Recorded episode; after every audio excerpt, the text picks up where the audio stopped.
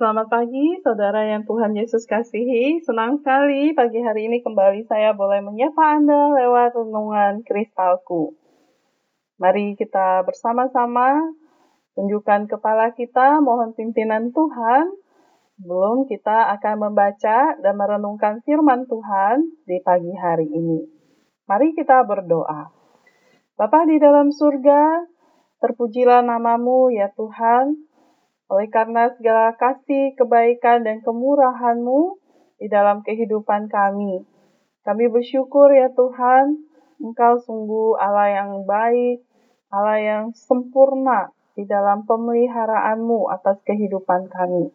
Pagi hari ini kami masih boleh ada sebagaimana kami ada. Kami tahu itu adalah oleh karena kemurahan-Mu semata. Kami berdoa ya Tuhan kiranya nafas hidup, uh, kekuatan, kesehatan yang Tuhan masih karuniakan kepada kami, sungguh boleh membawa kami selalu ingat dan datang menyembah Engkau Tuhan di dalam roh dan kebenaran, dan dengan hati yang selalu terbuka untuk mendengarkan firman Tuhan dan melakukannya di dalam hidup kami. Terima kasih Bapak, kami serahkan waktu ini ke dalam tangan-Mu. Berkati pembacaan firman Tuhan dan setiap kami yang sudah siap untuk mendengarkan Engkau menyapa setiap kami. Demi nama Tuhan Yesus kami sudah berdoa. Amin. Pembacaan firman Tuhan pada hari ini dari Injil Yohanes pasalnya yang ke-12 ayatnya yang ke-20 hingga ayatnya yang ke-36. Demikian firman Tuhan dengan judul perikop Yesus memberitakan kematiannya. Di antara mereka yang berangkat untuk beribadah pada hari raya itu, terdapat beberapa orang Yunani. Orang-orang itu pergi kepada Filipus yang berasal dari Bethsaida di Galilea. Lalu berkata kepadanya, Tuan, kami ingin bertemu dengan Yesus. Filipus pergi memberitahukannya kepada Andreas. Andreas dan Filipus menyampaikannya pula kepada Yesus. Tetapi Yesus menjawab mereka katanya, telah tiba saatnya anak manusia dimuliakan. Aku berkata kepadamu, sesungguhnya jikalau biji gandum tidak jatuh ke dalam tanah dan mati, ia tetap satu biji saja. Tetapi jika ia mati, ia akan menghasilkan banyak buah. Barang siapa mencintai nyawanya, ia akan kehilangan nyawanya. Tetapi barang siapa tidak mencintai nyawanya di dunia ini, ia akan memeliharanya untuk hidup yang kekal. Barang siapa melayani aku, ia harus mengikut aku, dan di mana aku berada, di situ pun pelayanku akan berada. Barang siapa melayani aku, ia akan dihormati Bapa. Sekarang jiwaku terharu, dan apakah yang akan kukatakan? Bapa, selamatkanlah aku dari saat ini. Tidak, sebab untuk itulah aku datang ke dalam saat ini. Bapa, muliakanlah namamu. Maka terdengarlah suara dari sorga. Aku telah memuliakannya, dan aku akan memuliakannya lagi. Orang banyak yang berdiri di situ dan mendengarkannya berkata bahwa itu bunyi guntur ada pula yang berkata, seorang malaikat telah berbicara dengan dia. Jawab Yesus, suara itu telah terdengar bukan olehku, melainkan oleh karena kamu. Sekarang berlangsung penghakiman atas dunia ini. Sekarang juga penguasa dunia ini akan dilemparkan keluar. Dan aku, apabila aku ditinggikan dari bumi, aku akan menarik semua orang datang kepadaku. Ini dikatakannya untuk menyatakan bagaimana caranya ia akan mati. Lalu jawab orang banyak itu, kami telah mendengar dari hukum Taurat bahwa Mesias tetap hidup selama-lamanya. Bagaimana mungkin engkau mengatakan bahwa anak manusia harus ditinggikan? Siapakah anak manusia itu? Kata Yesus kepada mereka. Hanya sedikit waktu lagi terang ada di antara kamu. Selama terang itu ada padamu, percayalah kepadanya, supaya kegelapan jangan menguasai kamu. Barang siapa berjalan dalam kegelapan, ia tidak tahu ke mana ia pergi. Percayalah kepada terang itu, selama terang itu ada padamu, supaya kamu menjadi anak-anak terang. Sesudah berkata demikian, Yesus pergi bersembunyi dari antara mereka. Sampai sejauh demikian pembacaan firman Tuhan. Tema kita hari ini adalah Bapa muliakanlah namamu. Pernahkah kamu merasakan ketakutan yang sangat hati gunda gelisah, rasanya sangat ingin berteriak?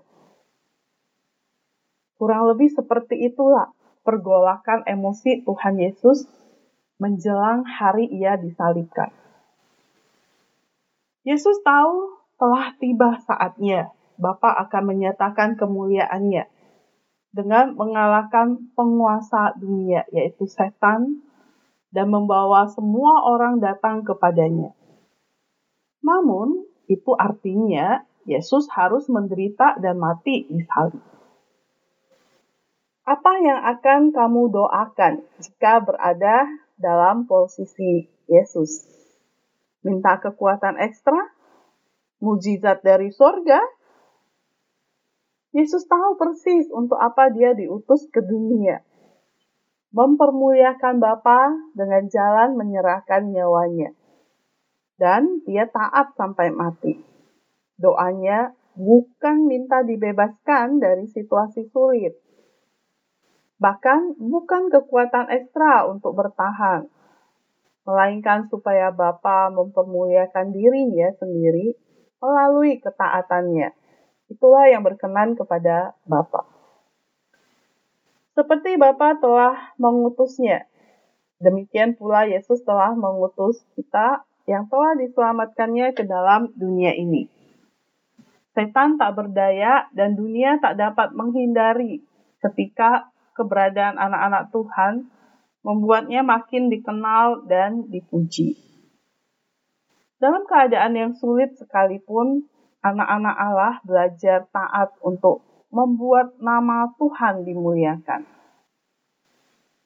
Bagaimana orang dapat melihat kemuliaan Tuhan melalui konflik, masalah, ada pekerjaan yang berat, tugas yang berat, tabungan mungkin uh, yang sudah menipis, dan berbagai situasi sulit yang Tuhan izinkan terjadi dalam kehidupan kita saat ini. Mungkin ada pertengkaran dengan teman, ya, PR yang banyak, pelajaran dan ulangan yang susah, anak-anak menghadapi papa mama yang bertengkar, dan lain-lain sebagainya. Bagaimanakah kita bisa mempermuliakan Allah di dalam situasi seperti ini? Adakah kita tetap menunjukkan ketaatan kita kepadanya? Ingatlah, Tuhan dimuliakan melalui ketaatan dalam hari terkelam. Amin. Mari kita berdoa. Bapak di dalam surga, terima kasih firman-Mu boleh mengingatkan kami, menasehati kami, menegur kami Tuhan.